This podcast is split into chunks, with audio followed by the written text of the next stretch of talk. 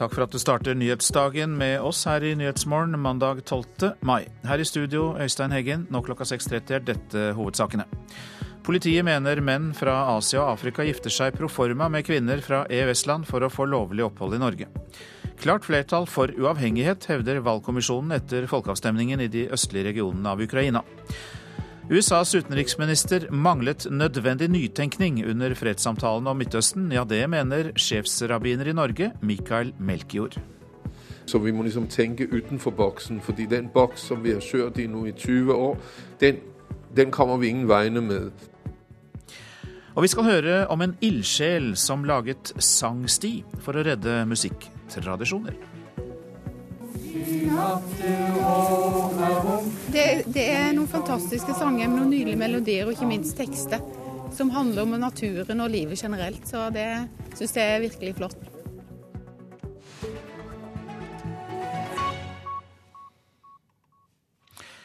En eksplosiv økning i familiegjenforeningssøknader med EØS-borgere i Norge får politiet til å slå alarm.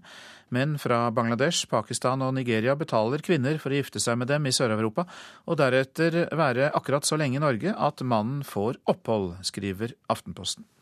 En ny snarvei til opphold i Norge, ifølge politiet. Kvinner fra Øst-Europa som gifter seg med visumpliktige menn fra utenfor EØS-området, så mennene skal få opphold. Det virker organisert, skriver politiet i et brev til Justisdepartementet. Etter at de har gifta seg, reiser kvinnene til Norge. Her venter et fiktivt arbeidsforhold ordna av mannen sitt nettverk her. Politiet tror kvinnene får penger eller andre fordeler for å gjøre dette. Bunken med søknader om familiegjenforening med EØS-borgere er mer enn dobla siden 2011. Da var tallet 167. I Oslo er det nå flere EØS-borgere som søker om gjenforening med ektefellen enn nordmenn. I saker der politiet har fått mistanke og starta etterforsking, har de sett tegn på at verken ekteskapet eller kvinna sitt arbeidsforhold er reelt. De ser bl.a. kvinner som reiser tilbake til heimlandet med en gang mannen har fått opphold. Reporter Eirin Årdal. Gårsdagens folkeavstemning i de østlige regionene av Ukraina endte ifølge valgkommisjonen med et klart flertall for uavhengighet. Hele 89% stemte ja til selvstyre. De endelige tallene blir offentliggjort i formiddag. Både EU-landene og ukrainske myndigheter har erklært avstemningen for ulovlig og ugyldig. Og det blir mer om eh, folkeavstemningen øst i Ukraina kvart over sju her i Nyhetsmorgen. En 14 år gammel gutt er savnet ved Kleive i Molde. Han ble meldt savnet av foreldrene seint i går kveld, da han ikke kom hjem fra tur. Mannskaper fra politiet, Norsk Folkehjelp og Røde Kors deltar i letingen, og det gjør også norske redningshunder. Den 14 år gamle gutten ved Kleive i Molde, han som er savnet, han er godt kledd, blir det sagt. Sjefrabbiner i Norge, Michael Melchior, mener USAs utenriksminister eh, manglet den nytenkning som trengtes for at, fred, for at fredsforhandlingene i Midtøsten skulle lykkes. Melchior er eh, også positiv til at Fatah og Hamas samarbeider. I går fikk han besøk av Israels president Shimon Peres i synagogen i Oslo.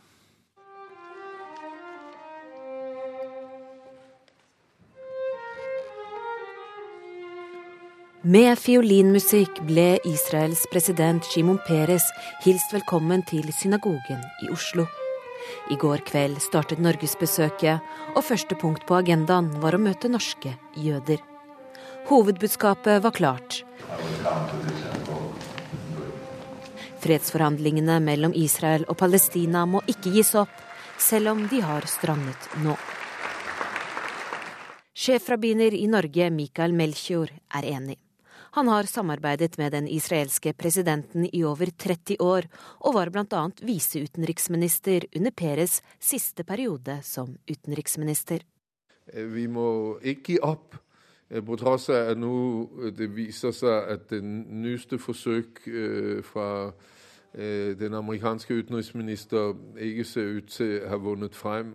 Melchior mener imidlertid at det er den amerikanske utenriksministerens feil at det ikke lyktes denne gangen heller.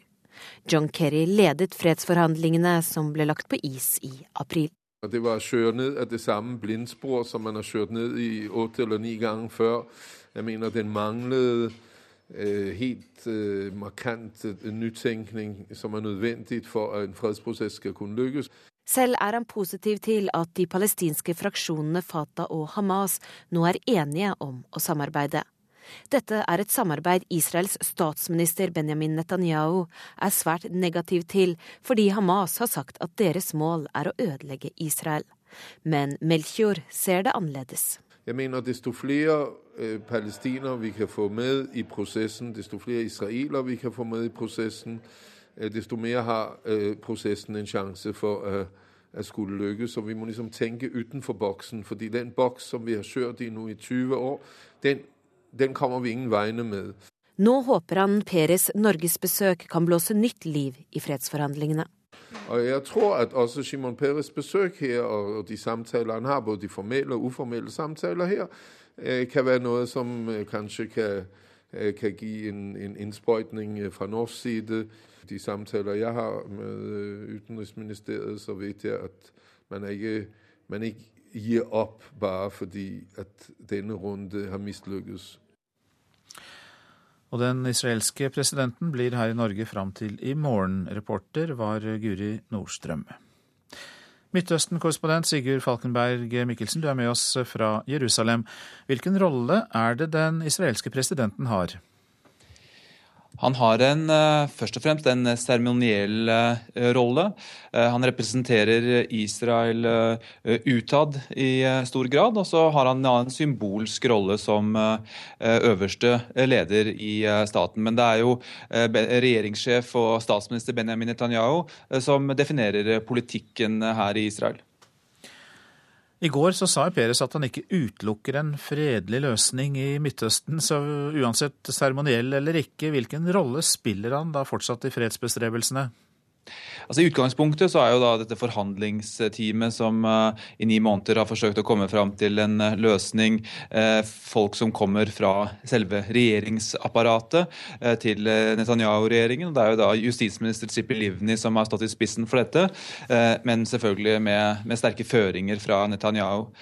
Men det var et interessant øyeblikk for et par dager siden her, da Peres på TV forklarte at han og president Eh, Mahmoud Abbas eh, for tre år siden eh, var, hadde kommet fram til en avtale, til et kompromiss, som tok opp i seg alle de vanskelige spørsmålene, fra flyktningspørsmålet til definisjonen av, av Israel som en jødisk stat, men at Netanyahu ikke ville være med på det.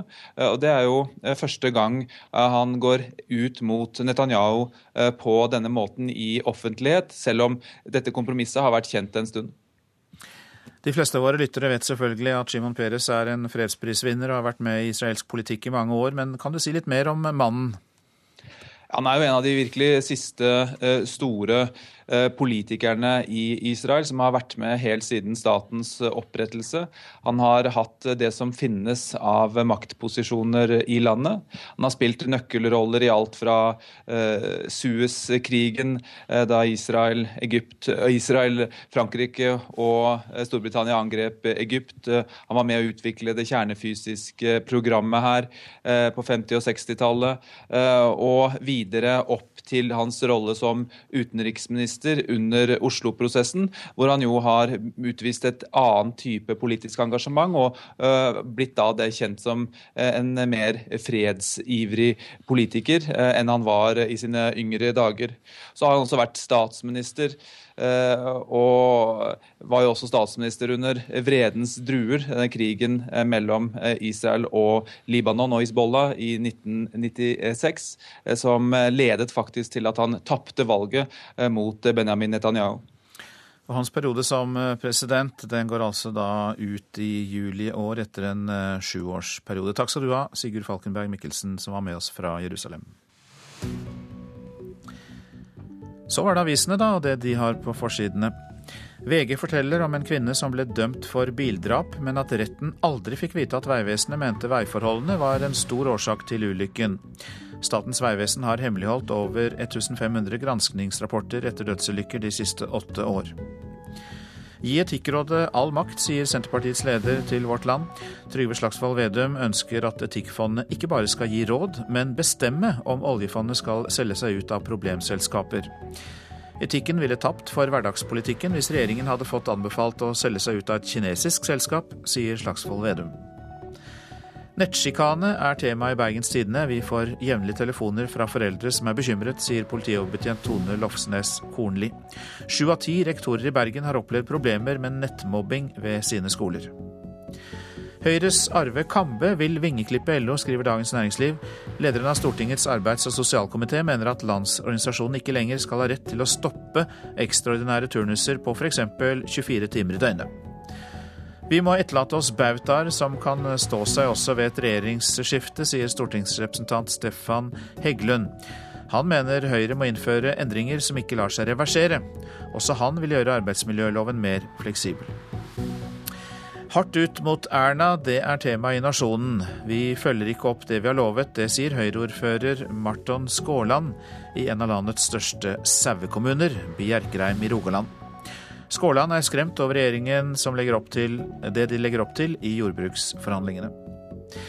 Arbeiderpartiet vil slåss om familiene, det sier Anniken Huitfeldt, leder av partiets kvinnenettverk, til Dagsavisen. Hun vil ha to barnehageopptak, SFO-reform og lønn for å pleie syke eldre. Ett av fire boligkjøp ender i konflikt, det kan vi lese i Bergensavisen. Mange skrekkeksempler på at folk ikke har skjønt hvilke kostnader det medfører å kjøpe eldre hus, som kan ha skjulte og kostbare feil, sier takstingeniør til avisa. Og nordmenn er de slappeste i Europa. Sju av ti rører seg for lite. Det kan føre til eksplosjon i livsstilssykdommer. Ja, det er de alarmerende overskriftene i Dagbladet.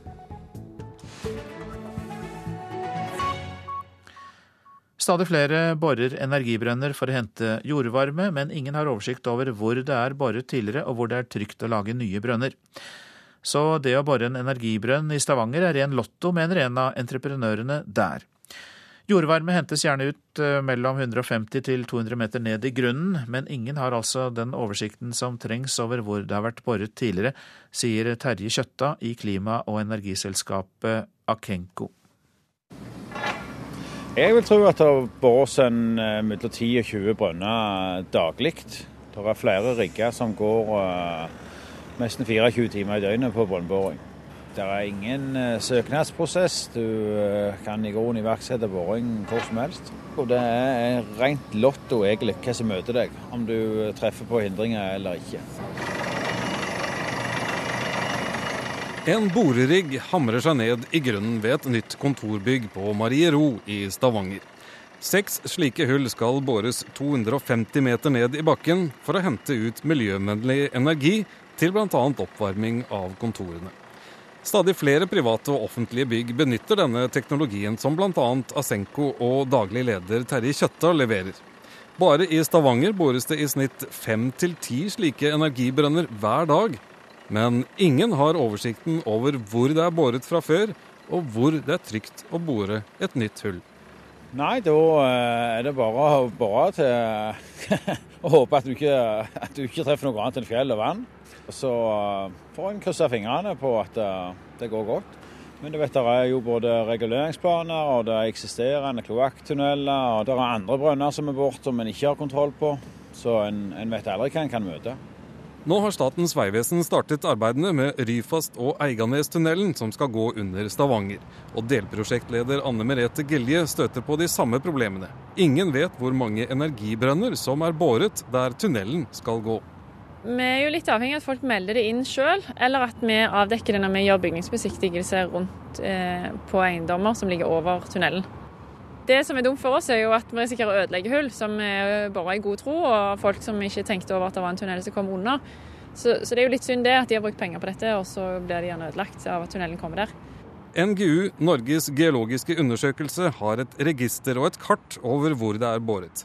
Men i dag er det frivillig å melde fra om energibrønner, og Vegvesenet regner med at bare halvparten av hullene som er båret i Stavanger, er registrert.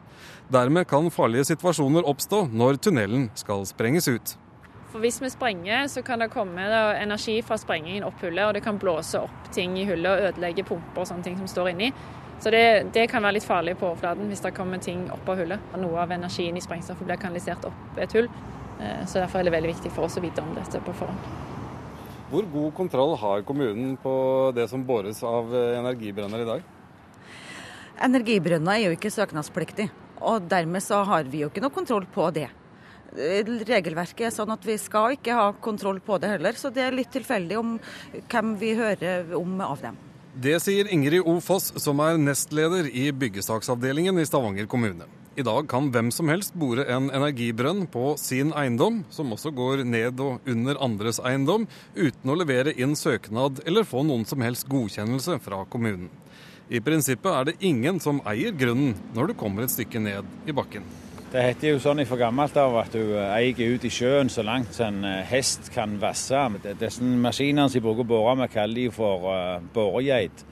Så da uh, antar vi at vi eier så langt ned som ei geit kan bore. En oversikt hadde nok vært uh, hensiktsmessig å hatt. Men så kan man jo da diskutere om det skal være søknadspliktig, eller om man burde hatt en meldeordning. For oversikten sin del så kunne det vært greit. Hvis noen eh, henvender seg til eh, kommunen for å finne ut eh, hvor det er greit å bore hen, hvor skal man gå hen da? Man må snakke med Vegvesenet for å finne ut om, det, om det er noen tunneler for biler. Man må snakke med vann- og avløpsverket for å høre om det er noen kloakktunneler. Og man må snakke med alle dem som har kabler som ligger rundt omkring, for å finne ut om det er noen av dem. Og det er mange av de? Dem er det mange av. Så dette er ikke lett? Nei. Det er helt håpløst. Der er det ingen som kan eller vil svare på noen verdens ting. Du blir sendt fra det ene kontoret til det andre, og det er Ja. Du får ingen gode svar på hva, hvordan du skal forholde deg. Så da er det egentlig enklere å bare gi gass. Bare og håpe på det beste. Reporter her, det var Øystein eh, Otterdal. Dette er Nyhetsmorgen, og klokka den er straks 6.47. Vi har disse hovedsakene. Politiet mener menn fra Asia og Afrika inngår ekteskap som ikke er reelle med kvinner fra Øst-Europa. Slike proforma ekteskap blir brukt for å skaffe mennene lovlig opphold i Norge. Klart flertall for uavhengighet, hevder valgkommisjonen etter folkeavstemningen i de østlige regionene av Ukraina. USAs utenriksminister manglet nødvendig nytenking under fredssamtalene om Midtøsten. Det sier sjefsrabbiner i Norge, Mikael Melchior. Og vi skal høre at ildsjel laget sangsti for å redde norske musikktradisjoner.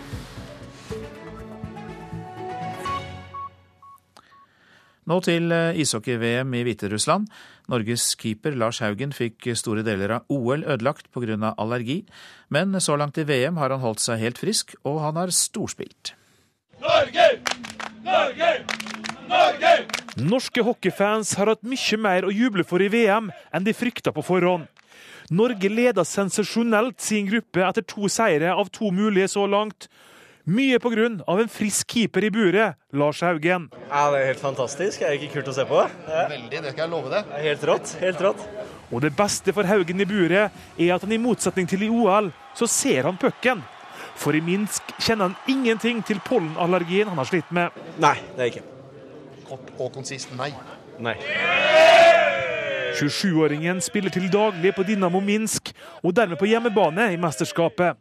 Derfor er den norske keeperen en meget populær mann i Minsk. Ja, det jeg, Vi har jo veldig mange norske fans her også, men eh, det er jo ekstra kult det å få med litt ekstra hviterussere. Så nei, det er morsomt. Da, da, har jeg ikke gjort bare dårlige ting her i Hviterussland i hvert fall. Har vi berga plassen nå?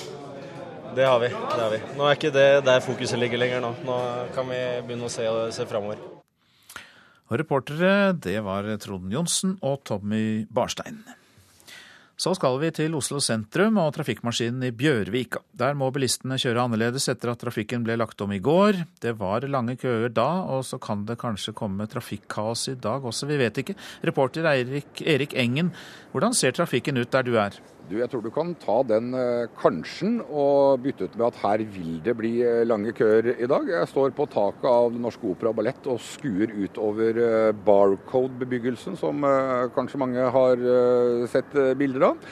Langs den går det en gate som heter Dronning Eufemias gate. Den er uh, ny av helgen. Den ble altså åpnet som du sier, i, i, går, med store utfordringer selv på en søndag formiddag. I dag er det mandag morgen og rushtrafikk i hovedstaden. Det er eh, lagt om en del på kjøremønsteret her, slik at det har blitt uh, mange og bråe svinger for ganske lange busser som kommer utenbys fra. Og så skal de da bortover en gate hvor det er blitt tre lyskryss på en vei da hvor det ikke var noen hinder så sent som i forrige uke. Og det blir det kø av, Øystein. Men hva skal folk gjøre da, Erik Engen? Ja, Det er et veldig godt spørsmål. Eh, Statens vegvesen sendte ut en eh, melding i helgen hvor de kort og greit sa hvis du ikke absolutt må ned i Bjørvika, så ikke kjør ned i Bjørvika. Det er jo for så vidt et uh, greit tips, uh, det. Men noen må jo, f.eks. hvis man skal til Oslo S med, med drosje så kommer man jo inn denne veien. Hvis man kommer inn Mosseveien og Ekebergtunnelen, som mange gjør om morgenen, og kjører som de har pleid å gjøre ned Vannspeilet, det er der hvor de har hatt bl.a. Øyafestivalen de siste årene, så blir man stående da i en etter hvert ganske lang kø. Jeg har sett meg ut en buss når vi begynte å prate. Den har på den lille stunda vi har eh, prata nå, kommet ja det kan vel være en 100 meter eh, fremover. Og den kommer nok til å bruke lengre tid før den er igjennom her nede. Så dette kan bli interessant utover. Eh, og det er lenge siden jeg har hørt så mye tuting som jeg har hørt her nede i dag. For dette nye krysset der hvor trafikkmaskinen før var, det byr på en del utfordringer. For mange har nemlig grønt samtidig. Tøffe tak nede i Bjørvika. Sånn helt kort til slutt, eh, Erik Engen. Hvor lang tid tror Vegvesenet at dette kaoset kommer til å ta? Ja, det er det. Eh, nå har de jo i første omgang sagt eh, ut uken, hvor de anbefaler alle å bruke kollektivtrafikk. For det tar ca. en ukes tid før vi venner oss til nye kjøremønster. Men de sier samtidig dette har vi ikke gjort for å øke kapasiteten for biltrafikken, men for å bedre det for den kollektive. Så om det noen gang kommer til å bli bra her nede, kan man jo lure på. Takk skal du ha for den rapporten fra Bjørvika akkurat nå, Erik Engen. En eh, tredel av dem som lytter til musikk på Spotify, bytter sang før det har gått 30 sekunder, og dermed blir ikke sangene registrert som avspilt. Vi blir stadig mer utålmodige, sier musikkprodusent og artist Tommy T, så mens lyttervanene da endrer seg, endres også musikken. Akkurat nå er det Archer, som er uh, en animert uh, spionserie. Um, ja. Ole Emil Øygarden ser på en episode av serien Archer på laptopen sin. Det gjør han på strømmetjenesten Netflix. Jeg har jo ikke noe, jeg har ikke noe vanlige TV-kanaler, eller noe sånt, så det eneste jeg har, er sånne ting jeg streamer. da. Ole Emil er ikke unik. I ei undersøking fra analysebyrået GFK som blir lagt fram i dag, kommer det fram at fire av ti norske husstander nå har tilgang til ei strømmetjeneste for film og serier på nett. Samtidig stuper salget av DVD og Blu-ray. Fra 2012 til 2013 gikk salget av disse fysiske formatene ned med 36% Den isolert sett er, er, er selvfølgelig dramatisk, men, men, effekten av den over tid vil man jo se når man ser hvor mye det digitale stiger i forhold til hvor mye det fysiske synker. Det sier Jon Einar Sivertsen i Norsk Videogramforening, som representerer selskapene som selger DVD og Blu-ray. Selv om norske forbrukere nå svikter DVD-en, tror ikke han at de fysiske formatene vil forsvinne helt. Eh, nei, definitivt ikke. Eh, altså Fysisk format har masse fordeler. Vi, vi har jo eh, både som gavemarked, altså vi ser ekstremt stor konsentrering rundt jul på fysisk. Og, og, det er lang tid før det er like praktisk å, å pakke inn en, en, gavekort på digital som, som en fysisk produkt. Men Sivertsen er ikke den eneste som frykter endringene i folk sine medievaner. Også de tradisjonelle fjernsynskanalene blir utfordra. Kringkastingssjef i NRK, Tor Gjermund Eriksen, nett nå til stades på de nordiske mediedagene i Bergen, vil svare med å lage veldig gode fjernsynsprogram. Kampen om folks tid uh, skjerpes. Fordi medietilbudet blir så stort og valgmulighetene så mange. Det er jo bra for publikum, men uh, det betyr at det innholdet som vi lager, må ha en veldig, veldig høy kvalitet. Kvalitet det er viktig også for Ole Emil Øygarden. Han bruker én time om dagen på Netflix, og da vil han ikke kaste bort tida si. For ofte når man ser på TV, i hvert fall hvis jeg er borte hos noen som har det, så er det sånn at man bare skrur på et eller annet som, er, som går, og så blir man sittende og se på et halvt program av et eller annet rart noe, og så har man egentlig ikke måte, gjort noen ting, da. Mens eh, Netflix eller de andre greiene, så har man på en måte sett aktivt en serie. Og ja, det føles mer nyttig da, kanskje. Reporter her, det var Christian Ingebretsen. Mange av de tradisjonelle norske sangene går i glemmeboka, frykter folkemusiker Kirsten Bråten Berg. Men det er noen som ikke gir opp. I Tvedestrand i Aust-Agder har en lokal ildsjel laget en sangsti for å få folk til å synge de gamle skolesangene. Av meg, du skjønne milde, gjør alt er grønn. Vi synger de gamle skolesangene som vi lærte på, på folkeskolen. Snart 69 år gamle Tellef Heggeland leder an når godt over 30 sangglade menn og kvinner er på guida sangtur i Vestmarka i Tvedestrand. Den der, der plakaten der av gamle så står det at slike gutter det vil gamle Norge har. Det, det er i grunnen galt å synge i dag, for her mesteparten er kanskje damer her i dag. På stubber og trær rundt i skauen har Heggeland festa små treplater med tekster fra gamle skolesanger, skrevet med svart sprittusj. Og med første vers på sangene, da jeg fikk ikke plass til mer. Du har rett og slett laga en sangsti. Ja, det ble en sangsti. Og hvorfor har du gjort det? Personlig så er jeg jo veldig glad i de gamle sangene, for jeg hører med til den generasjonen som jeg nesten foretrekker. Så foretrekker jeg de gamle sangene framfor for alt det nye som kommer nå. Jeg, jeg ser ikke bort fra de heller, på ingen måte, men de, jeg har mer forhold til de gamle, altså. Tellef har nok vært eh, en sånn en eh, som har vekt opp gamle minner da, hos meg. Eva Vågsmyr Christensen fra Tvedestrand og Vegårshei turlag er med og arrangerer sangturen for tredje år. Det, det er noen fantastiske sanger med noen nydelige melodier og ikke minst tekster. Som handler om naturen og livet generelt. Så det syns jeg er virkelig flott. Mange av sangene dere synger er i ferd med å gå i glemmeboka. Hva syns du om det? Det syns jeg er veldig synd. Det er folkemusiker Kirsten Bråten Berg enig i. Jeg heter Anne Knutsdotter Kari er min mor. I 2010 ga hun ut plata Songen med flere tradisjonelle norske sanger og folkeviser, som Blåmann, blåmann, bukken min, Astrid mi Astrid, Anne Knutsdotter, Eg gjette tulla og Vesle Kari vår. Før jeg kom Kari lå Og når de går i glemmeboka, og du må være liksom 60 pluss for å huske de tekstene, da eh, syns jeg det var fare på ferde. Ja, jeg syns jo eh, skoleunger burde synge mye hver eneste dag. Det har med samhold å gjøre, og det har med fellesskap, og som de vil få veldig mye glede av seinere i livet. Men jeg syns det burde vært tatt et ansvar for, for, oss som sånn felles Det å være eh, norsk. Og vi skal ikke lenger enn til Sverige før allsangen er mye mer nedfelt i, i folk. Vi får ta med oss den oppfordringen til sangglede. Reporter i Tvedestrand, det var Miriam Grov. Så var det værvarselet. Fjell i Sør-Norge, spredte regnbyger sør for Jotunheimen, snøbyger i høyfjellet, ellers stort sett opphold og noe sol. Østland og Telemark for det meste skyet vær, enkelte regnbyger. Agder enkelte regnbyger, særlig da i ettermiddag. Perioder med sol kan det bli. Rogaland og Hordaland oppholdsvær og noe sol, men utrygt for regnbyger i ettermiddag. Lokal morgentåke. Sogn og Fjordane oppholdsvær og noe sol, men utrygt for regnbyger i ettermiddag. Fra i ettermiddag blir det også liten kuling i Sogn og Fjordane. Nord for Sunnfjord nordøst stiv kuling. Møre og Romsdal og Trøndelag på kysten nordøst opp i liten kuling. I kveld stiv kuling på Sunnmøre. Det blir skiftende skydekke, enkelte regnbyger. Helgeland, Saltfjellet, Salten og Ofoten. Stort sett opphold og en del sol. Fra i ettermiddag perioder med nordlig liten kuling.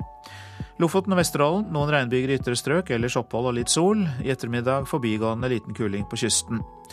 Troms noe regn og sluddbyger i ytre strøk, ellers opphold og litt sol. Forbigående liten kuling på kysten i ettermiddag.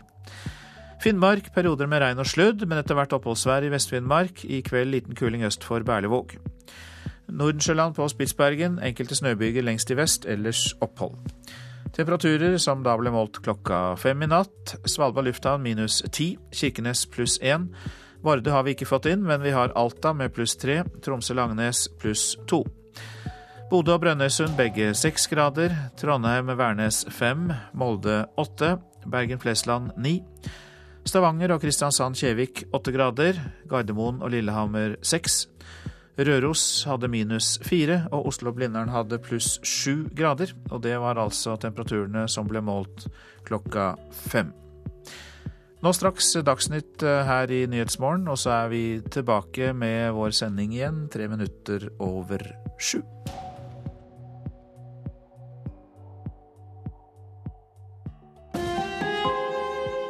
Hør ekko. De bygger husene våre, for så å vaske de. Og etterpå trener de jaggu ungene våre sånn at de lærer seg innsatsvilje og disiplin og blir norgesmestere. For østeuropeere slapper nordmenn til å bli vinnere. Ekko 9 11 i NRK P2. Lokalsykehus mangler kunnskap om nødkirurgi. Likevel sendes alvorlig skadde pasienter dit. Politiet mener menn fra Asia og Afrika jukser seg til opphold i Norge ved å gifte seg med EØS-borgere. Her er NRK Dagsnytt, klokka er sju. Flere lokalsykehus mangler kompetanse for å behandle alvorlig skadde pasienter. Likevel sendes altså pasienter dit. Alle sykehus som tar imot alvorlig skadde pasienter skal ha kurs i nødkirurgi, men en gjennomgang NRK har gjort, viser at bare i Helse Sør-Øst så mangler over halvparten av sykehusene dette. Det kan bety forskjell mellom liv og død, sier leder av traumesenteret på St. Olavs, Bent Åge Rolandsen. Man skal ikke sendes til et sykehus som ikke har riktig kompetanse. Det er jo det som gjør at de, denne pasientgruppen kan skille mellom at de dør eller overlever. Hvis man kjører med den vanlige behandlinga som for en vanlig planlagt kirurgi, der man forsøker å reparere alle organskader, så kan det bety at hvis man følger de samme prinsippene på en alvorlig skada pasient, så tåler de ikke operasjon og vil senere dø enten på operasjonsbordet eller på intensiv etterpå. Hvis du lurer på hvordan det står til på ditt sykehus, så har nrk.no oversikten. En eksplosiv økning i familiegjenforeningssøknader med EØS-borgere i Norge får politiet til å slå alarm. Menn fra Bangladesh, Pakistan og Nigeria betaler kvinner for å gifte seg med dem i Sør-Europa og være akkurat så lenge i Norge at mannen får opphold, skriver Aftenposten. En ny snarvei til opphold i Norge, ifølge politiet. Kvinner fra Øst-Europa som gifter seg med visumpliktige menn fra utenfor EØS-området, så mennene skal få opphold. Det virker organisert, skriver politiet i et brev til Justisdepartementet. Etter at de har gifta seg, reiser kvinnene til Norge. Her venter et fiktivt arbeidsforhold ordna av mannen sitt nettverk her. Politiet tror kvinnene får penger eller andre fordeler for å gjøre dette. Bunken med søknader om familiegjenforening med EØS-borgere er mer enn dobla siden 2011. Da var tallet 167. Sa reporter Eirin Årdal. Israels president Shimon Peres blir møtt av demonstranter i Oslo i dag. Både på Slottsplassen og utenfor Stortinget er det varslet demonstrasjoner. Til sammen 24 politiske partier og organisasjoner mener at statsbesøket er et signal om at Norge anerkjenner Israels okkupasjonspolitikk og velger å se bort fra de grove bruddene på folkeretten. Den siste delen av valget på ny nasjonalforsamling i India starter i dag. Over 60 millioner mennesker har mulighet til å delta i valget i tre delstater. Over 40 000 politifolk og halvmilitære styrker skal sørge for at stemmegivningen går rolig for seg i den hellige byen Varanasi. NRK Dagsnytt, Anders Borgen Werring. Nyhetsmorgen fortsetter med mer om at lokalsykehus mangler eh, kunnskap om nødkirurgi, som vi hørte om i Dagsnytt nettopp. EU-dom kan gjøre det dyrere å gå til tannlege på bygda enn i byen. Klart flertall for uavhengighet, hevder valgkommisjonen etter folkeavstemningen i de østlige regionene av Ukraina. Og pirater utenfor Vest-Afrika er den nye trusselen mot skipsfarten. Flere lokalsykehus mangler kunnskap for å behandle alvorlig skadde pasienter. Allikevel sendes pasienter dit. Helseregionene har vedtatt at alle sykehus som tar imot alvorlig skadde pasienter, skal ha kurs i nødkirurgi. Men eh, NRKs gjennomgang av Helse Sør-Øst viser at halvparten av sykehusene mangler den kompetansen. Hva skal vi gjøre? Hvor langt har du kommet? Vi har uh, en pasient som uh, har både fått uh, skuddskade nede i buken som har gått gjennom. Ja. De øver på den første livreddende behandlingen. Å stoppe blødninger og stabilisere. En pasient, denne gang en gris, er skutt i magen. Dette er leger som er på kurs i nødkirurgi. Et obligatorisk kurs for alle kirurger ved lokalsykehus som kan ta imot de mest alvorlig skadde pasientene. Det er veldig viktig at de sykehusene som tar imot alvorlige skadde, har den rette kompetansen til å gi behandling når de blir innlagt der. Bent Åge Rolandsen er instruktør på kurset og leder av traumesenteret ved St. Olavs hospital. Når en pasient er kritisk skadd med indre blødninger, brukes andre operasjonsteknikker enn ved planlagte operasjoner, sier Rolandsen. Hvis man kjører med den vanlige behandlinga som for en vanlig planlagt kirurgi, der man forsøker å reparere alle organskader, så kan det bety at hvis man følger de samme prinsippene på en alvorlig skada pasient, så tåler de ikke operasjon, og vil senere dø enten på operasjonsbordet eller på intensiv etterpå. Siden 2010 har helseregionene vedtatt at alle lokalsykehus som er traumemottak, skal ha kurs i nødkirurgi. Men NRKs gjennomgang viser at fortsatt har flere lokalsykehus kirurger som ansvarlig lege som ikke har dette kurset bl.a. Stavanger universitetssykehus, Namsos sykehus og over halvparten av sykehusene i Helse Sør-Øst. Man skal ikke sendes til et sykehus som ikke har riktig kompetanse. Da er det bedre å sendes til sykehuset som er litt lenger bort, som har den rette kompetansen. Det er jo det som gjør at de, denne pasientgruppen kan skille mellom at de dør eller overlever. Nei, vi vet at den ikke er helt til stede på alle traumemottakene i dag. Det sier fagdirektør Henrik Sandbu i Helse Midt-Norge. Vi har ingen indikasjoner på at de eh, sykehusene som nå tar imot eh, hardt skadde pasienter, ikke gjør en utmerket jobb. Men det kan jo skje at de møter kirurger som ikke har fått kurs i nødkirurgi? I verste fall kan det skje nå. Stavanger universitetssykehus har heller ikke oppfylt Helse Vest sine kompetansekrav til de kirurgene som skal ta imot alvorlig skadde pasienter. De skriver skriver i en e-post at det er traumeledere som ikke har tatt kurset, men at det gjøres individuelle vurderinger. I Helse Sør-Øst har over halvparten av sykehusene kirurger som tar imot alvorlig skadde pasienter som ikke har kurs i nødkirurgi.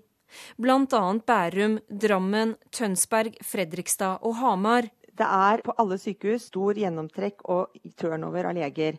Og det er, vil alltid være sånn at den, noen av legene ikke har det. Det sier direktør for medisin og helse i Helse Sør-Øst, Alice Beate Andersgaard de har vedtatt dette for fire år siden. Man fikk to år på seg på å innfri eh, kravene.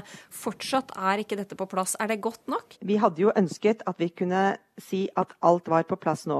Og så ser vi etter en gjennomgang at det er det ikke. Og da skjerper vi inn og sier at nå må alle legge planer. Nå må alle innen 2014 ha oppfylt og legge planer for hvordan de skal eh, gjennomføre disse konkrete tiltakene i sine sykehus som har mottak av hardt pasienter.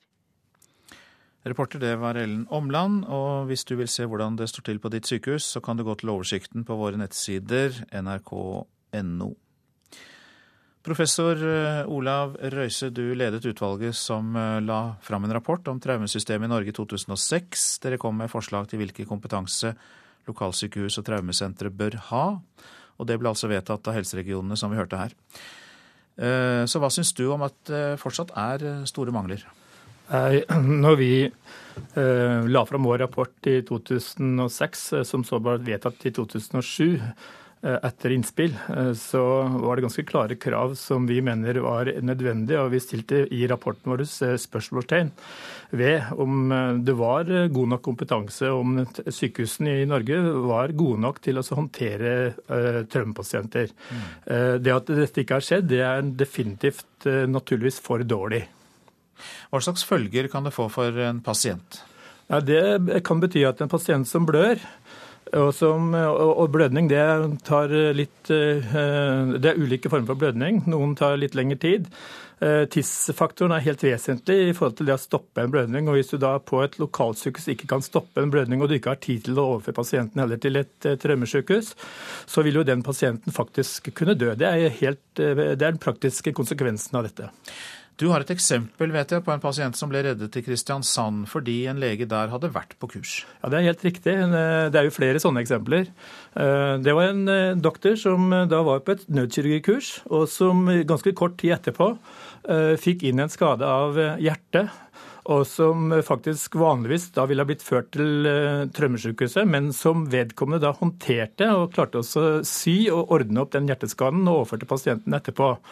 Det vil si at vedkommende doktor hadde lært dette på et kurs, noe han aldri ville kunne ha klart ellers. Og han uh, gjorde den jobben som traumesykehusene klarer, men som traumesykehuset ikke ville håndtert i dette, fordi det ville ikke ha vært mulig å komme dit levende. Halvparten av lokalsykene i Helse Øst som vi hørte, når altså ikke opp til disse kompetansekravene som dere satte i dette utvalget. Og de ble altså vedtatt for eh, fire år siden. Men kan man se det også fra en helt annen side, at disse kompetansekravene er urealistiske, satt for høyt i forhold til hva man klarer å få til? Eh, det kan man naturligvis diskutere. Men samtidig er det da også klart at når disse kravene ble satt, så var det en høringsrunde. Det var fundert på vitenskap. Eh, og sånn sett så var det ingen heller som mente at disse på det tidspunktet mente var eh, for høye. Slik at det tviler jeg på. Jeg mener at disse kravene er helt adekvate. Og hvis du skal sikre at pasienter ikke skal dø, så må du faktisk ha dette oppfylt. Hvilke følger bør man ta av dette øyeblikkelig, og så deretter på lang sikt for å rette det opp? Det vi foreslo i Trømmerapporten, og som jeg mener hadde vært en viktig del av det å få implementert dette, det var at eh, hvis eh, det, Skal vi kalle det byråkratiet eller beslutningsorganene? hadde hørt på oss. Vi foreslo at man burde ansette i prosjektstilling en av entusiastene som drev dette arbeidet den gangen. Eh, eh, fordi det, Noe av dette som skyldes sendrektigheten vi nå har sett, da, det har noe med at et nivå som er fagfolkene. Eh, de kommer med gode forslag. Så skal dette opp eh, i nivåer der det ikke er fagfolk eh, som har samme erfaring, samme kompetanse. Da blir det et vakuum, og det er det som faktisk har skjedd. Hvis man da derimot hadde gjort som man har gjort f.eks. i England senere, tok en kar som var engasjert i dette, og brukte vedkommende til implementeringa helt sentralt under departementet, så ville dette kunne ha fungert. Nå, når vi nå ikke har gjort det, så bør man jo naturligvis kanskje tenke å gjøre noe av det samme. Eh, det er fortsatt mulig. Eh, og eh, i alle fall sørge for at man, som da Alice Beate Andersgaard i rapporten her sa, man har oppfylt dette i utgangen av 2014 og stiller krav, klare krav til alle sykehusene. Ellers så må de miste funksjonen sin som traumesykehus. Klar tale fra deg. Takk skal du ha, Olav Røise. Du er professor og altså ledet utvalget som la fram rapporten om traumesystemet. Det var altså da i 2006.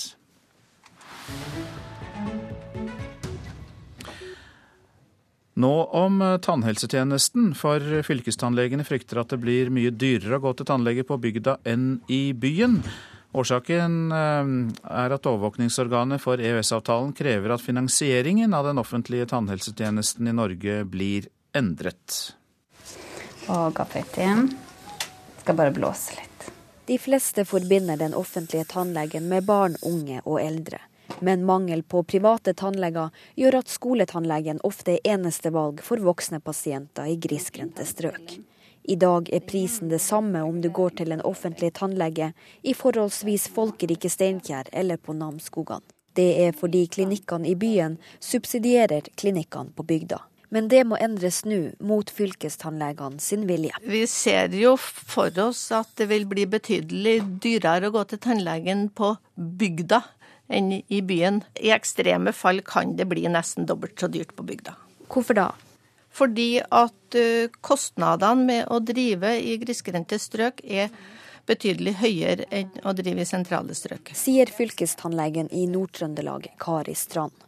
Årsaken til endringene er at ESA, som passer på at Norge følger EU-reglene, mener at det offentlige risikerer å bruke statsstøtte ment for bl.a. barn til å gjøre tannlegen billigere for voksne. Det er ulovlig fordi det vil gjøre det vanskeligere for private å konkurrere med det offentlige. Hvor stor prisforskjellene nå blir mellom bygd og by, avhenger av flere ting.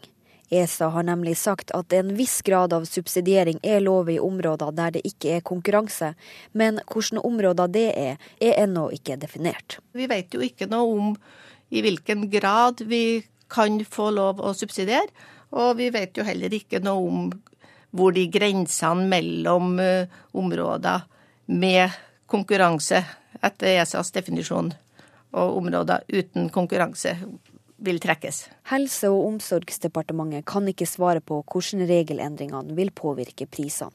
Statssekretær Lisbeth Nordmann sier Norge ikke hadde annet valg enn å følge kravet fra ESA.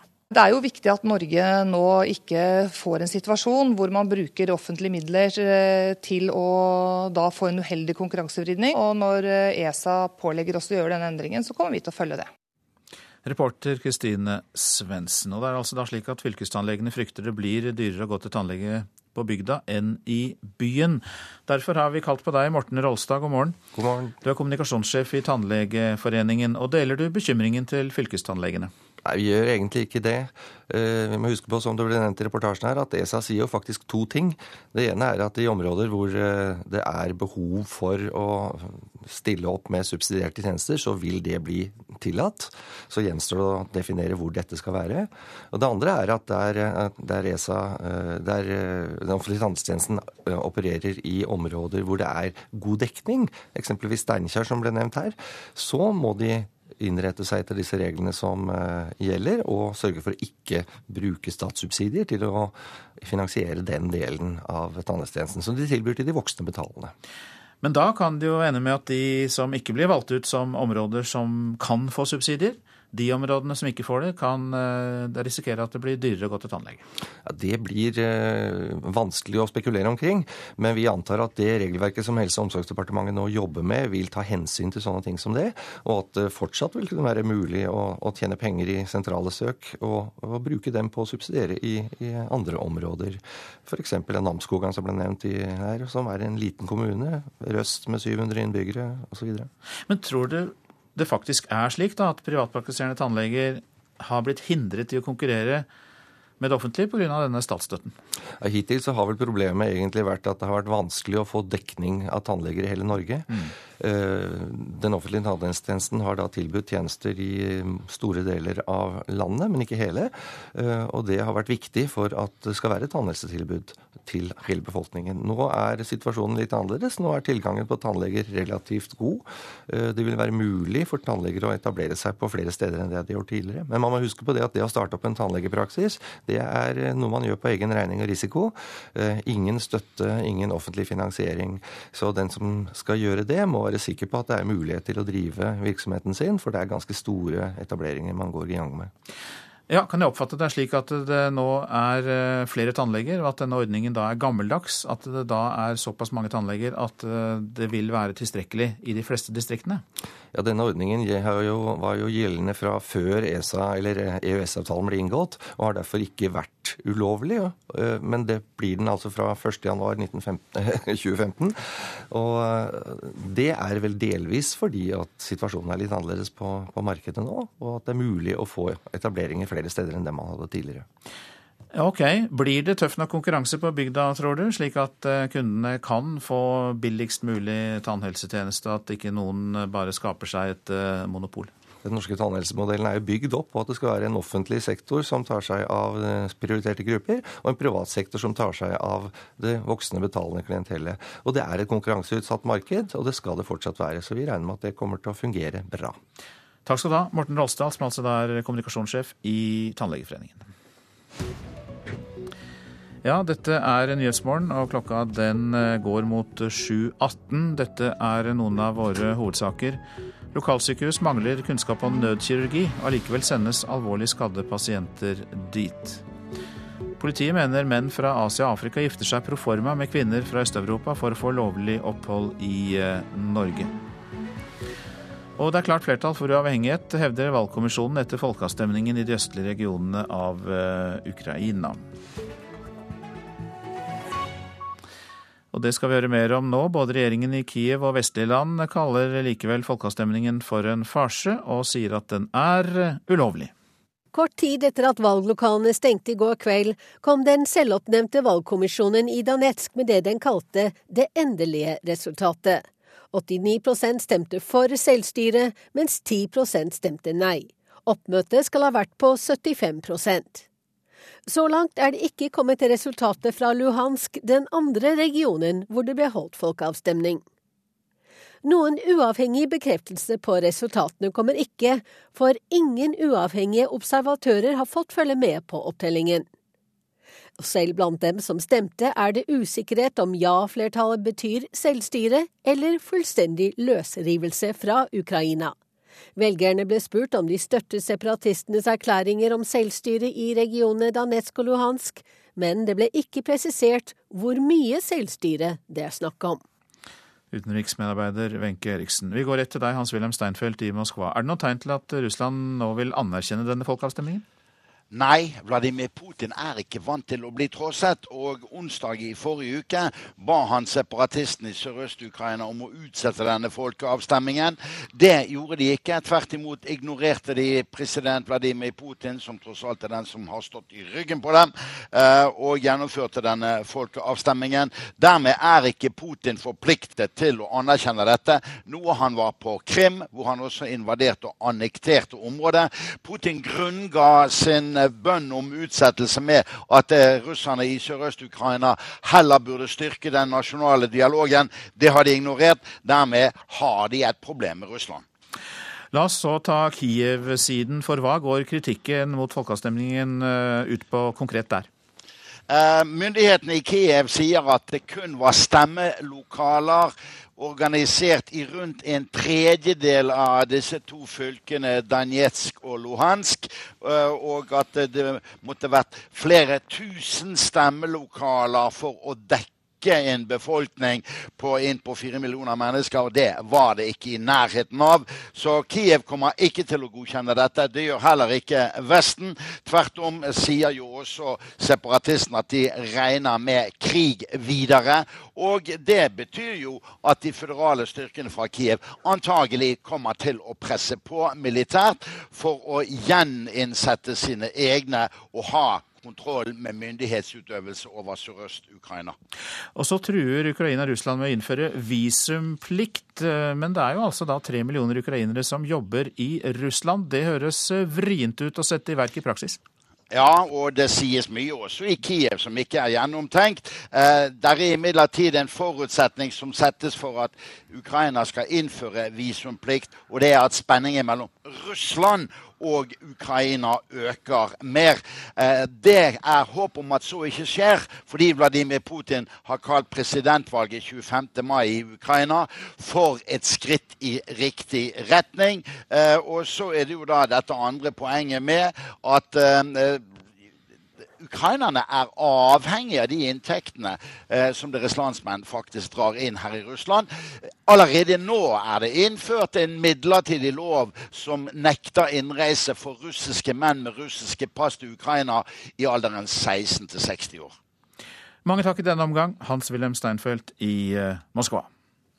Nå om piratvirksomhet. Kysten utenfor Vest-Afrika er nå farligere enn farvannene utenfor Somalia. Norge retter derfor mer av oppmerksomheten mot å bekjempe pirater i Guinea-bukta, som er den nye trusselen mot skipsfarten. Nå er problemet størst i Guinea-bukten. Sier Carl Salikat, som koordinerer Norges antisjørøverinnsats. Han er her i USA for å diskutere hvordan de skal angripe den nye trusselen i Vest-Afrika. Det er en trussel for norske interesser, norske skip, norske sjøfolk. Og vi har konstatert at Norges økonomiske aktivitet i farvannene utenfor Vest-Afrika er lavere enn den ville ha vært dersom vi ikke hadde hatt dette alvorlige problemet. Det er få tall og mangelfulle statistikker, men hittil i år er minst 40 skip blitt angrepet og mannskap tatt som gisler. Vi hører fra våre samarbeidspartnere i den bransjen at det er rederier og kapteiner som kvier seg for å ta oppdrag og seile i dette området. Salikat ledet tidligere FNs piratgruppe utenfor Somalia. Nå flytter han oppmerksomheten til Vest-Afrika og de organiserte bandene som stjeler raffinerte oljeprodukter på vei inn i Guinea-bukta, eller border skip for å kreve løspenger. Dette fremstår som godt organiserte grupper. De har tyngre våpen enn vi har sett i Det indiske hav, som somalierne bruker der. Det fremstår som tidligere militssoldater. De er villige til å entre skip under ild. Det er ikke somalierne villige til. Og det er nigerianere. Men bortsett fra det, så vet vi ikke nøyaktig hvem det er. USA har nylig gitt Nigeria et kystvaktfartøy. Et av de få marinefartøyene mellom Marokko og Sør-Afrika. Landene i Guinea-bukta ble i fjor sommer enige om å ta ansvar for problemet, men planen for å bekjempe sjørøveri er ennå ikke satt i verk, sier Norges antipiratkoordinator Carl Salikat. Det er også en utfordring med korrupsjon og vannstyre. Å tenke sikkerhet på havet er egentlig nytt for dem. Når de nå skjønner at dette er et problem, og vi og andre land er i dialog med dem og snakker om dette problemet, så skjønner jo de det. Men det tar tid å stille om tankegangen begynne å bygge opp et sikkerhetsapparat, få det til å virke. Og de skal som sagt selv gjøre det, eventuelt med støtte fra Norge og andre land. Men jeg forventer ingen løsninger eh, over natten. Norge vurderer hvordan en kan samarbeide og støtte vestafrikanske land som Ghana, Nigeria og Kamerun i kampen mot piratene. Norske marinefartøy er ikke blant forslagene, fordi kapringen og tyveriene skjer ikke i internasjonalt farvann. Men det kan bli aktuelt å gi mer støtte til utdanning og betale for stillinger og rådgivere på et nytt regionalt overvåkningssenter. Anders Tvegård, Washington.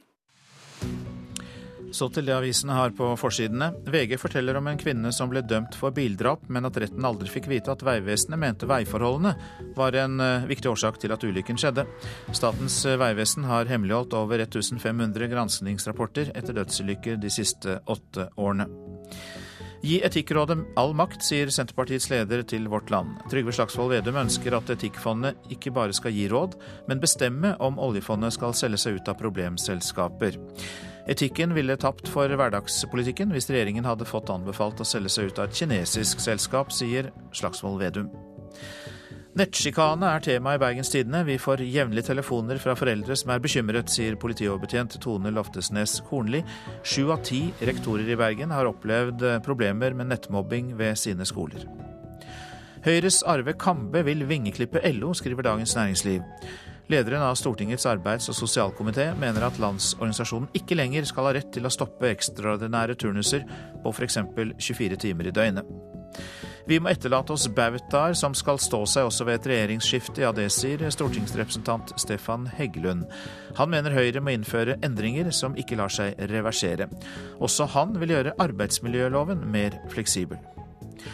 Men eh, Nasjonen skriver at det er noen som går hardt ut mot Erna. Vi følger ikke opp det vi har lovet, sier Høyre-ordfører Marton Skåland i en av landets største sauekommuner, Bjerkreim i Rogaland.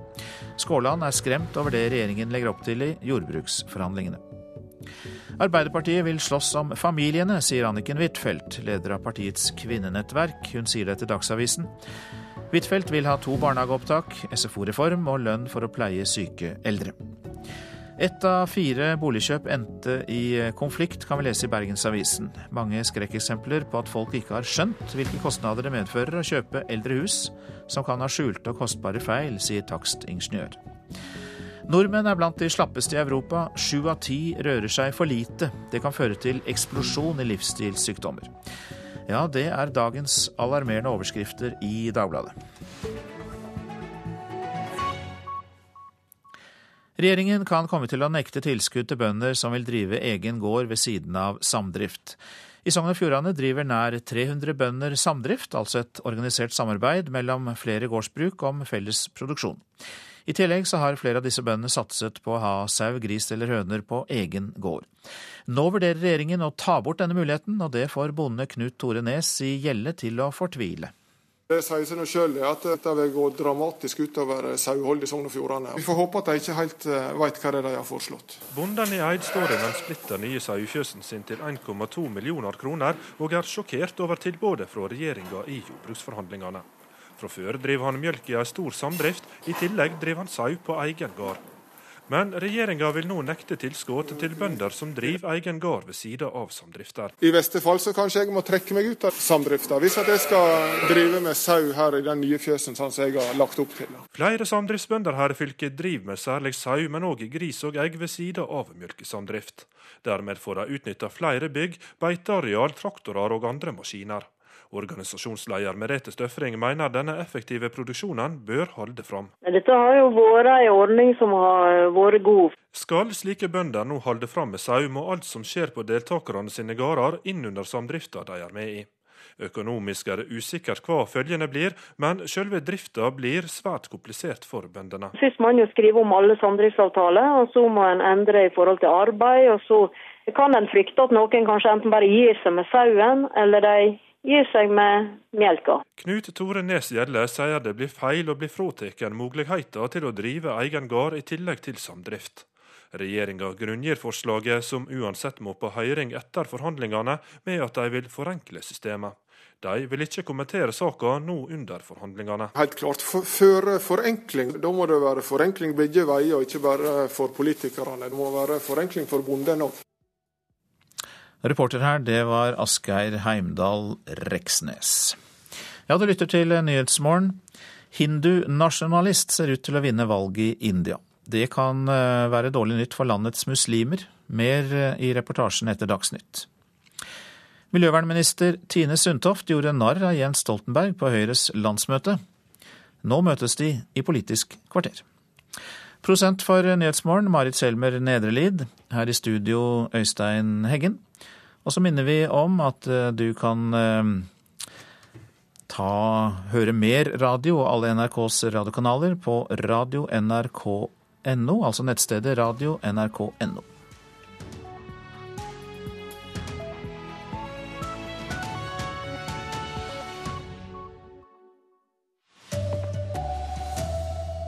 Lokalsykehus mangler kunnskap om nødkirurgi, men alvorlig skadde pasienter sendes dit likevel.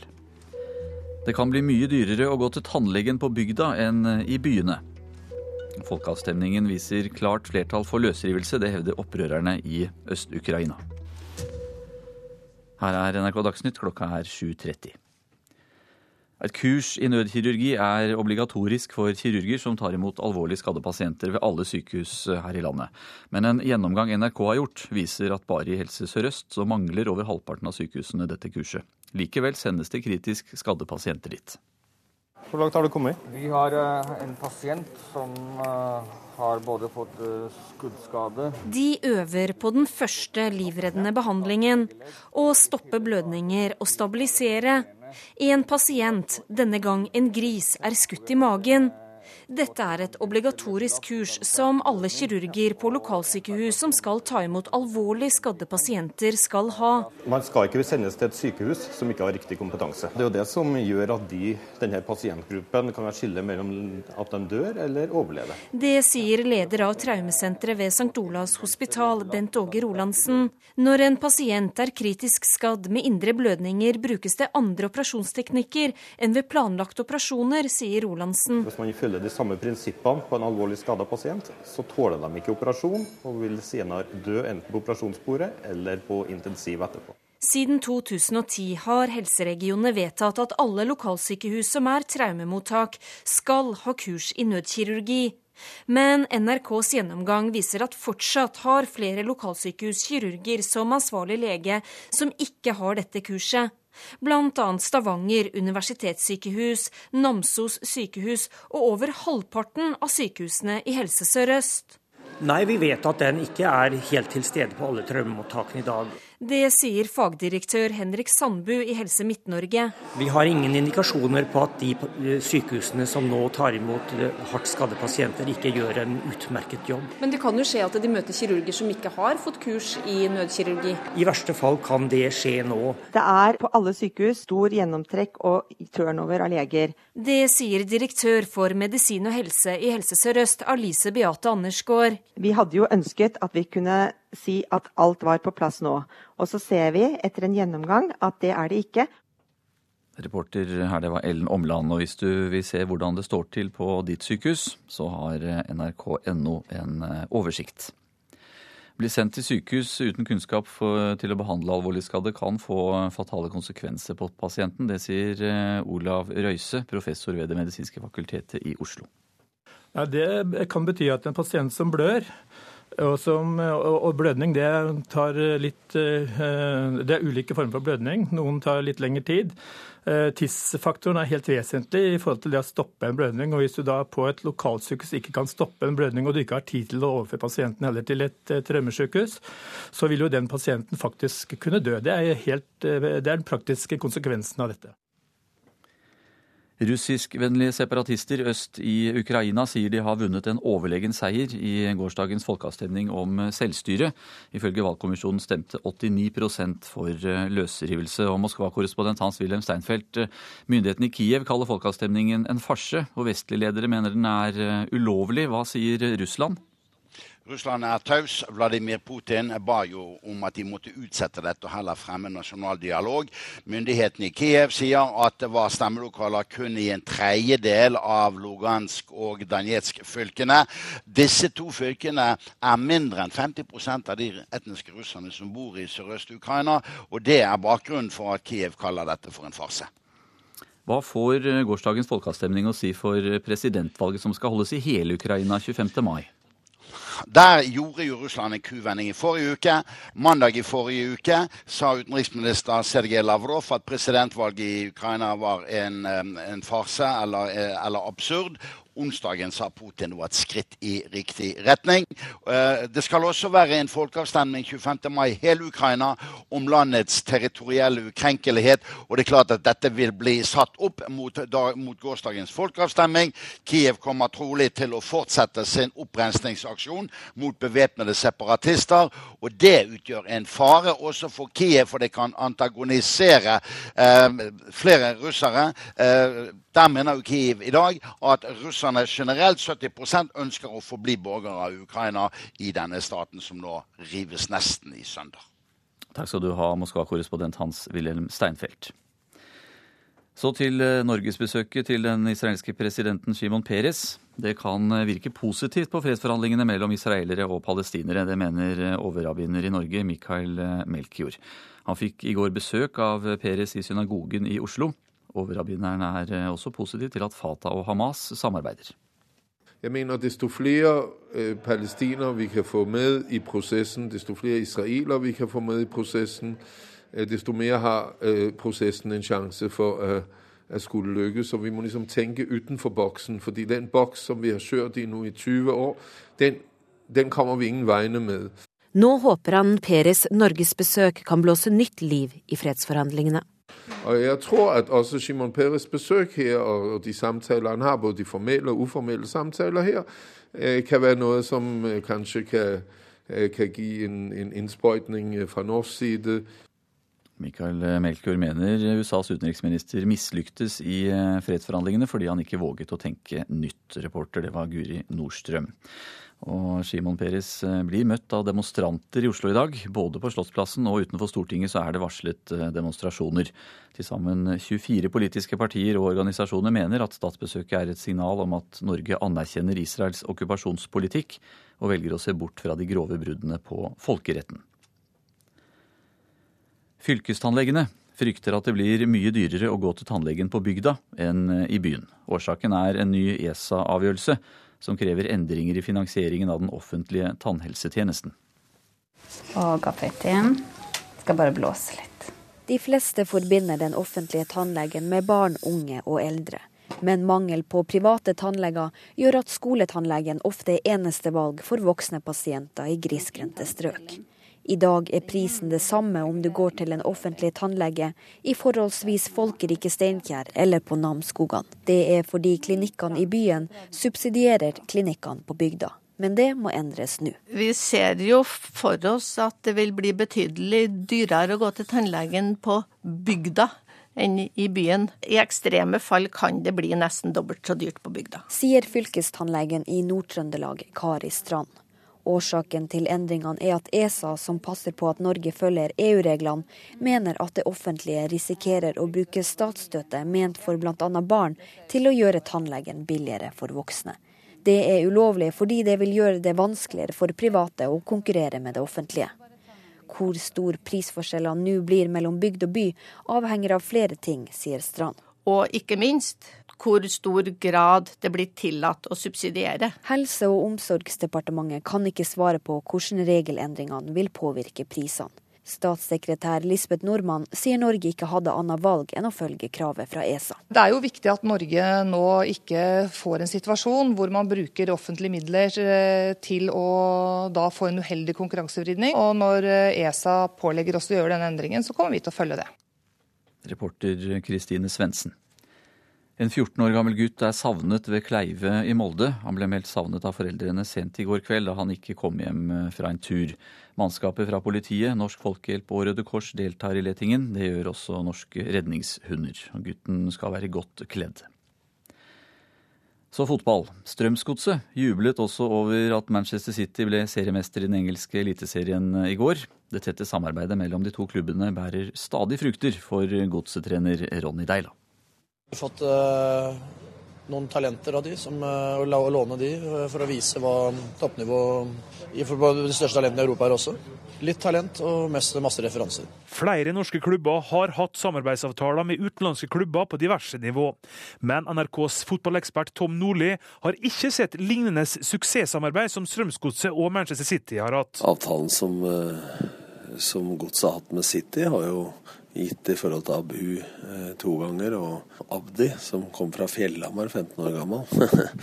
og til City og, og tilbake. Så, så, sånn sett så har jo det vært spillere, og det har vel vært én til også, spillere som eh, har satt litt uh, preg på norske eliteserien. Det er vinn-vinn, i hvert fall for oss. Jeg tror det er også for de gjennom at vi er flinke til å utvikle talenter som de, som de har. Strømsgodset-trener Ronny Deila til slutt der. Reporter Tommy Barstein. Anne Skårseth har ansvaret for Dagsnytt i dag. Det er Frode Thorshaug som har det tekniske ansvaret. Jeg heter Anders Borgen Werring.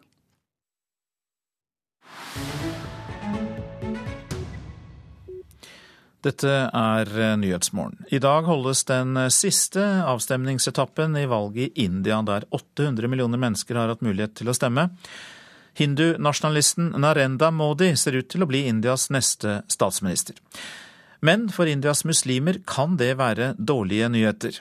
Joar Ho Larsen har laget denne reportasjen. Muslims perception is quite clear that Anwar Pasha er ekspert på muslimske spørsmål i det indiske samfunnet. Han er ikke i tvil om at muslimene frykter en fremtid med Narendra Modi som statsminister. De tar for gitt at hindunasjonalistenes leder vil ta beslutninger som er antimuslimske, og det med god grunn, sier Anwar Pasha. The way Modi has been behaving, the way he has been talking to media, he is not uh, a person who will tolerate Muslims. Ifølge Pasha har Modi under valgkampen vist holdninger som tyder på manglende toleranse for ikke-hinduer. Communalism kalles det i India, når grupper står mot hverandre på religiøst grunnlag og fordømmer hverandre ut ifra overleverte fordommer og stereotype holdninger. India vil i løpet av få år være verdens mest folkerike stat, og har per i dag mer enn 1,2 milliarder innbyggere. Drøyt 13% av dem er muslimer. Hadde disse, om lag 160 millioner, vært en befolkning i eget land, så ville de vært verdens åttende mest folkerike. Det er flere muslimer i India enn det er innbyggere i Russland eller for den saks skyld i Japan. Men i India utgjør de en minoritet i et milliardhav av hinduer. Nå skal det sies at slett ikke alle hinduer er nasjonalister. Hundrevis av millioner av dem er tolerante og verdslige, og står langt fra både communalism, sekterisme og rasisme og Narendra-Modi. Men det er mange nok igjen til å spre bekymring og frykt blant muslimene. Og når dette kommer i tillegg til Indias sterkt lagdelte kastesystem, som medfører enorm forskjellsbehandling og klar diskriminering, så øker muslimenes redsel ytterligere. Og uroen dreier seg ikke bare om personen Modi som mulig statsminister. Det gjelder de rådgiverne han vil utnevne, de folkene han vil omgi seg med, og de meningene de har. Statsministerkandidaten har tidligere samarbeidet med ytterliggående hinduer som er direkte fiendtlig innstilt overfor muslimer. Han kommer til å ødelegge landet, og det vil bli opptøyer, sier Nasir Khan.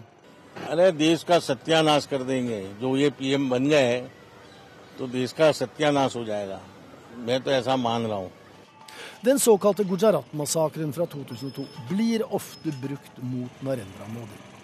Mer enn 50 hinduer omkom i en togbrann den gangen og myndighetene mente at toget ble påtent av muslimer.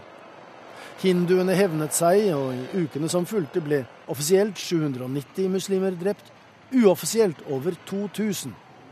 Mange hinduer ble også drept, men i ettertid er det blitt hevdet at Modi, som den gang var delstatsminister i Gujarat, sto bak hevnaksjonen. Han er aldri dømt for noe. Ikke engang for tjenesteforsømmelse eller dårlig politikerhåndverk. Men millioner av indere, helt uavhengig av juss og beviset stilling, har dømt ham. Så massakren brukes mot ham og hefter ved mannen som allikevel, etter alt å dømme, blir utropt som Indias neste statsminister når det endelige valgresultatet foreligger på fredag. Dette er Nyhetsmorgen, og dette er hovedsaker. Lokalsykehus mangler kunnskap om nødkirurgi, men alvorlig skadde pasienter sendes dit likevel. Det kan få alvorlige konsekvenser, sier professor Olav Røise, som ledet utvalget som foreslo kompetansekrav til lokalsykehus og traumesentre. Det kan bli mye dyrere å gå til tannlegen på bygda enn i byene. EØS-avtalen forutsetter at finansieringen av den offentlige tannhelsetjenesten i Norge blir endret. Folkeavstemningen viser klart flertall for løsrivelse, hevder opprørerne i Øst-Ukraina. Både regjeringen i Kiev og vestlige land sier folkeavstemningen var ulovlig. Så gjør vi klart for Politisk kvarter her i Nyhetsmorgen. Programleder er Astrid Randen.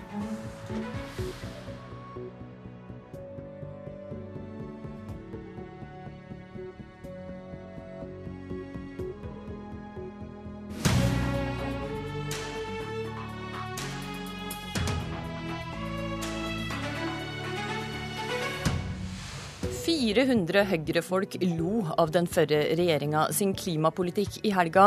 I dag må de forsvare seg. Tine Sundtoft møter Jens Stoltenberg. God morgen, dette er Politisk kvarter. I studio er Astrid Randen. På Høyre sitt landsmøte på Gardermoen denne helga fikk statsminister Erna Solberg ei tomt kjøpt på månen i gave fra Unge Høyre. Vi har faktisk kjøpt ei fire mål stor tomt på månen astronauthjelm.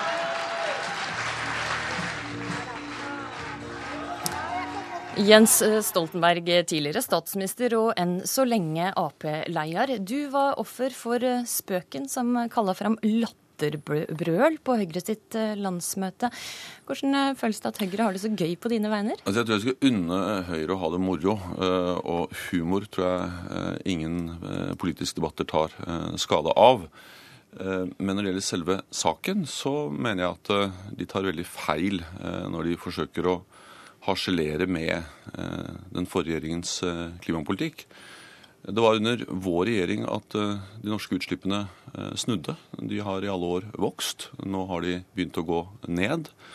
Det er en ganske stor forskjell på noe som går opp og noe som går ned. Og det å greie å bikke den utviklingen skjedde under vår regjering. og det skyldes bl.a. at vi har satset betydelig på teknologi og kunnskap, en mye renere industri og fått til fantastiske ting der. Det skyldes slike ting som det vi ser på bilparken nå. Da er det nesten 30% av de nye bilene som selges i Norge, er enten nullutslippsbiler eller såkalte hybridbiler. Det skyldes en kraftig omlegging i retning av mer grønne eh, bilavgifter, som gir eh, betydelig effekt.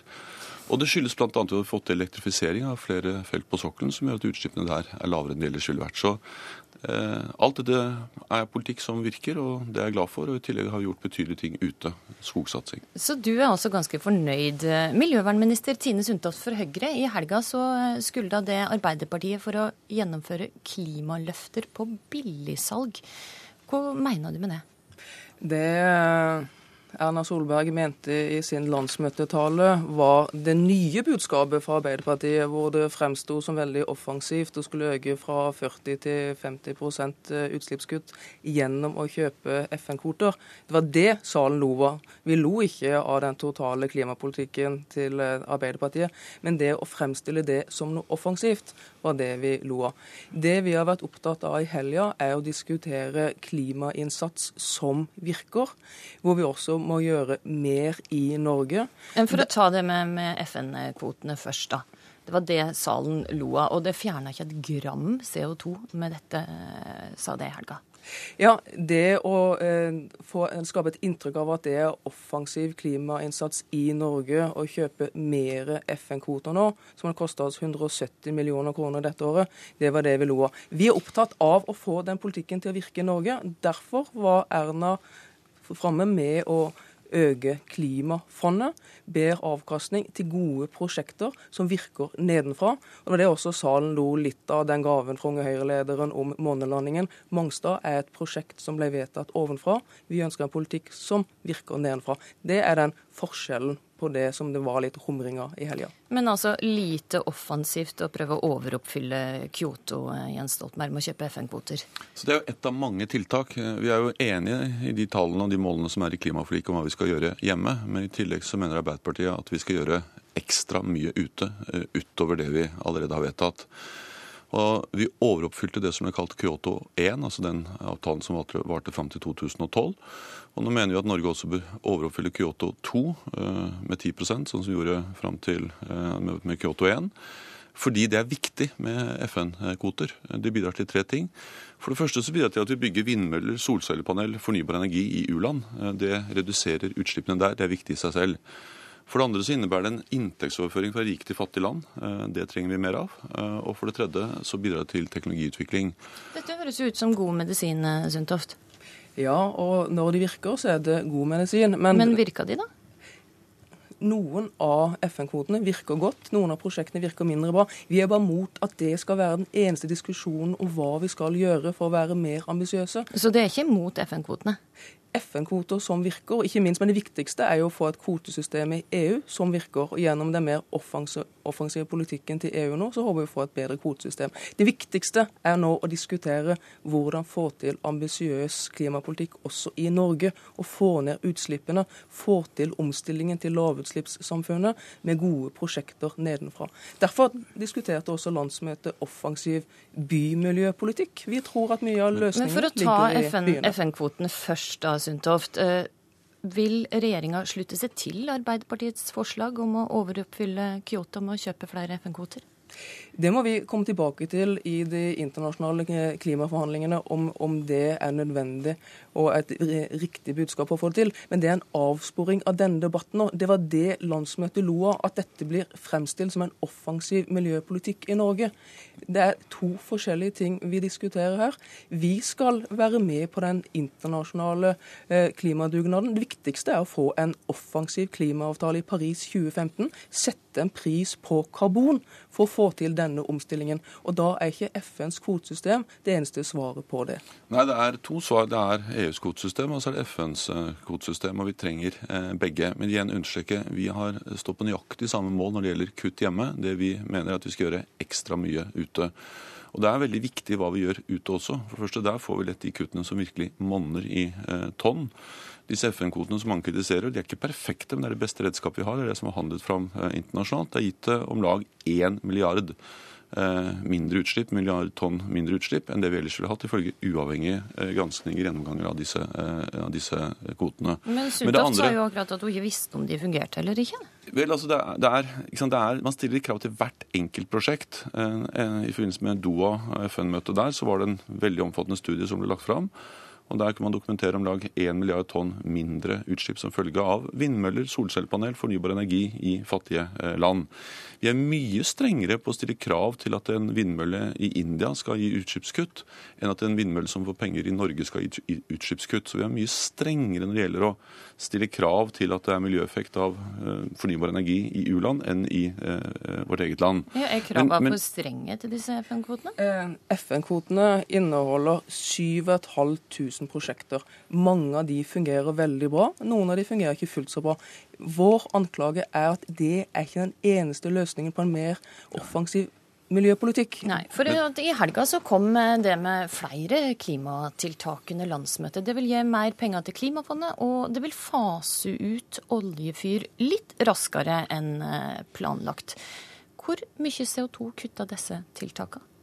Når vi får kuttet alle oljefyrene i statlige og kommunale bygg og private innen 2020, så kutter det ca. 1,3 millioner tonn CO2. Når det gjelder det å øke Eh, bidraget til Klimafondet, så får vi da eh, økt avkastning som får flere gode prosjekter nedenfra. Eh, norske bedrifter som virkelig jobber med sin omstilling. Nøyaktig antall tonn vi kutter der, det kan jeg ikke svare på nå. Det landsmøtet var opptatt av, var konkret politikk som virker for å få omstillingen til et lavutslippssamfunn, hvor vi også trenger byene med på laget for å redusere persontrafikken, sette krav til eh, biler som kjører i byene, hvor det at du skal få mindre bompenger hvis du kjører biler som slipper ut mindre, er nå opp til byene å vedta, hvis de ønsker det. Er du imponert, eh, Stoltenberg? Så dette her er ting som det er bred enighet om. Altså, vi har satt av 50 milliarder kroner i klimaforliket til eh, klimatiltak i industrien og i næringslivet. Det kommer mange spennende ting, store og små tiltak. Og det at vi satser på kunnskap, satser på ny teknologi, er jo en av grunnene til at utslippene i Norge har gått ned. Eh, og Det er altså noe helt nytt. Før gikk de opp. Og Det er klart at det skyldes både tiltak ovenfra og nedenfra og fra alle mulige kanter. Og store og små tiltak. Summen av det eh, gir effekt. Og det er utmerket hvis vi nå skal legge 12 eh, milliarder kroner til inn i det fondet som allerede er etablert, og som vi har fylt opp med 50 milliarder. Eh, tilsvarende på veitrafikken. Det er en av de områdene hvor altså faktisk har skjedd mye positivt. Dels fordi at under vår regjering satset vi mye på kollektivtransport, jernbane. Vi trenger mer av det rundt storbyene. Men kanskje mest overraskende er det som skjer med eh, bilene. Der altså vi 20 eh, av alle nye biler i Norge i april var nullutslippsbiler. Nesten 10% var hybrider. Og Det er en fantastisk ting som har kommet som resultat av at vi har lagt om bilavgiftene. og noe av det første denne nåværende regjeringen gjorde, var å eh, reversere vårt forslag om ytterligere omlegging i retning av eh, grønne avgifter på norske biler. Så det måtte i hvert fall å gå i feil retning i forhold til noe av det mest positive vi har sett, nemlig at bilparken i Norge begynner å bli blant Europas eh, reneste. Det må du få svar på, Sundtoft. Vi fortsetter eh, avgiftene på eh, elbilene fram til 2017 og har sagt at vi skal ha en ordentlig gjennomgang av bil- og kjøretøyavgiftene. Det vi gjorde i tillegg, var å bevilge mer til jernbane, fordi vi må få flere over på kollektivtrafikken. Vel, altså Vi foreslo en styrking som kalles CO2-komponenten i bilavgiftene, som gjør at det blir enda dyrere å kjøre eh, med forurensende biler, enda mer lønnsomt å kjøre med miljøvennlige biler. Det var avlyst, ble avlyst i, i det budsjettforslaget som regjeringen la fram og fikk eh, vedtatt. Dere foreslo i tillegg kutt på Transnova, som gir støtte til infrastruktur for elbiler. Det ble heldigvis rettet opp i budsjettforliket. Men også to tiltak for å svekke innsatsen for elbiler, så ble ett vedtatt og ett forhandlet bort. Men det viser i hvert fall at dere ikke satser på dette området. Utmerket hvis dere nå har uh, forandret mening på det punktet. Der fikk du siste ord i denne debatten. Jens Stoltenberg, Tine Sundtoft, takk for at det kom til Politisk kvarter. Og med oss i studio, iallfall snart, har vi fått høyresida si eige vaktbikkje og heiagjeng. Jan Arild Snoen, skribent i Minerva. Vi hører at Høyre og Arbeiderpartiet slåss om å framstå som mest klimavennlige. Men er dette ei sak de egentlig vinner velgere på? Nei, det er ikke veldig stor forskjell på disse to partiene i det spørsmålet. Og de velgere som er veldig opptatt av, av denne saken, de veldig få av dem stemmer på Høyre eller Arbeiderpartiet. Så Høyre sitt eh, forsøk på å lage ei blå-grønn regjering og ta tilbake miljøsaken eh, etter at den blei litt glemt i regjeringsforhandlingene, kommer ikke til å føre til noen stor boost på målingene? Jeg tror ikke det. Nå er begge de to regjeringspartiene ferdige med sine landsmøter. Hvordan vil du oppsummere disse to landsmøtene? Ja, Det har vært viktig for dem å nå feire eh, den seieren de har fått. Frp i regjering for første gang. Eh, Høyre har statsministeren for første gang på veldig lenge. Så det er først og fremst det som disse landsmøtene brukes til. Eh, det er en sånn indremedisinsk nå skal vi feire det vi har oppnådd. Og så skal vi først og fremst la være å lage trøbbel for regjeringen og de partiene som sitter her. Det har de stort sett klart å unngå, med noen små unntak. En slags hyggelig fest og ikke så mye politisk verksted?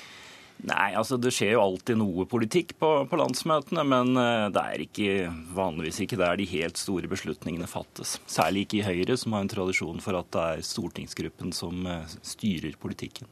Frp sin eh, lille rampestrek var vel nei til OL-vedtaket. Var Høyre sitt vedtak om å forby dieseldrosjer fra neste år en slags hevn mot Frp? Nei, jeg tror ikke akkurat uh, skal tenke sånn rundt Og det er jo også disse tingene som Av og til så er det noe som er ukontrollert på landsmøtene. Det meste er kontrollert. Disse dieseldrosjene, det var da en sånn, eh, et arbeidsuhell. Altså, landsmøtet kom i skade for å, å vedta noe som, som, regjeringen egentlig ikke er for. Og det var et tilfelle til også i skolepolitikken.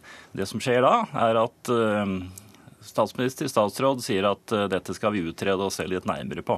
Så og det tar kanskje vi... litt lengre tid enn landsmøtet? Det tar litt tid, og det er ikke sikkert vi skal uh, følge dette. Det er ikke sikkert landsmøtet visste helt hva de gjorde. Det er løsningen. da. Hva for forskjeller ser du på disse to landsmøtene som det har vært denne helga og forrige helg? Det har noe med hvordan disse to partiene kom inn i regjeringen, også hva som er utfordringen deres pedagogisk. Frp Det sa Siv Jensen. Vi er stolte og utålmodige. Mens Høyre er bare stolte.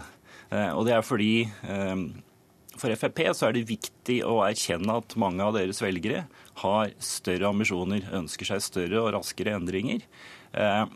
Og Derfor så må de også snakke til de som er utålmodige, og si at vi vil ha mer, og det kommer mer, og alt dette.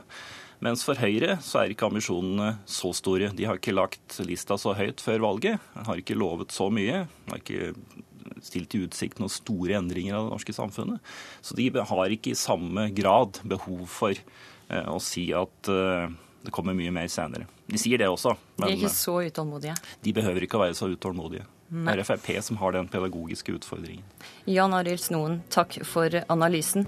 Det var eh, Politisk kvarter i studio Astrid Randen. Du hører oss hver ukedag kvart på åtte i P2, Alltid nyheter og på NRK1. Har du tips eller kommentarer, send det til på en e-post til politikk at nrk.no.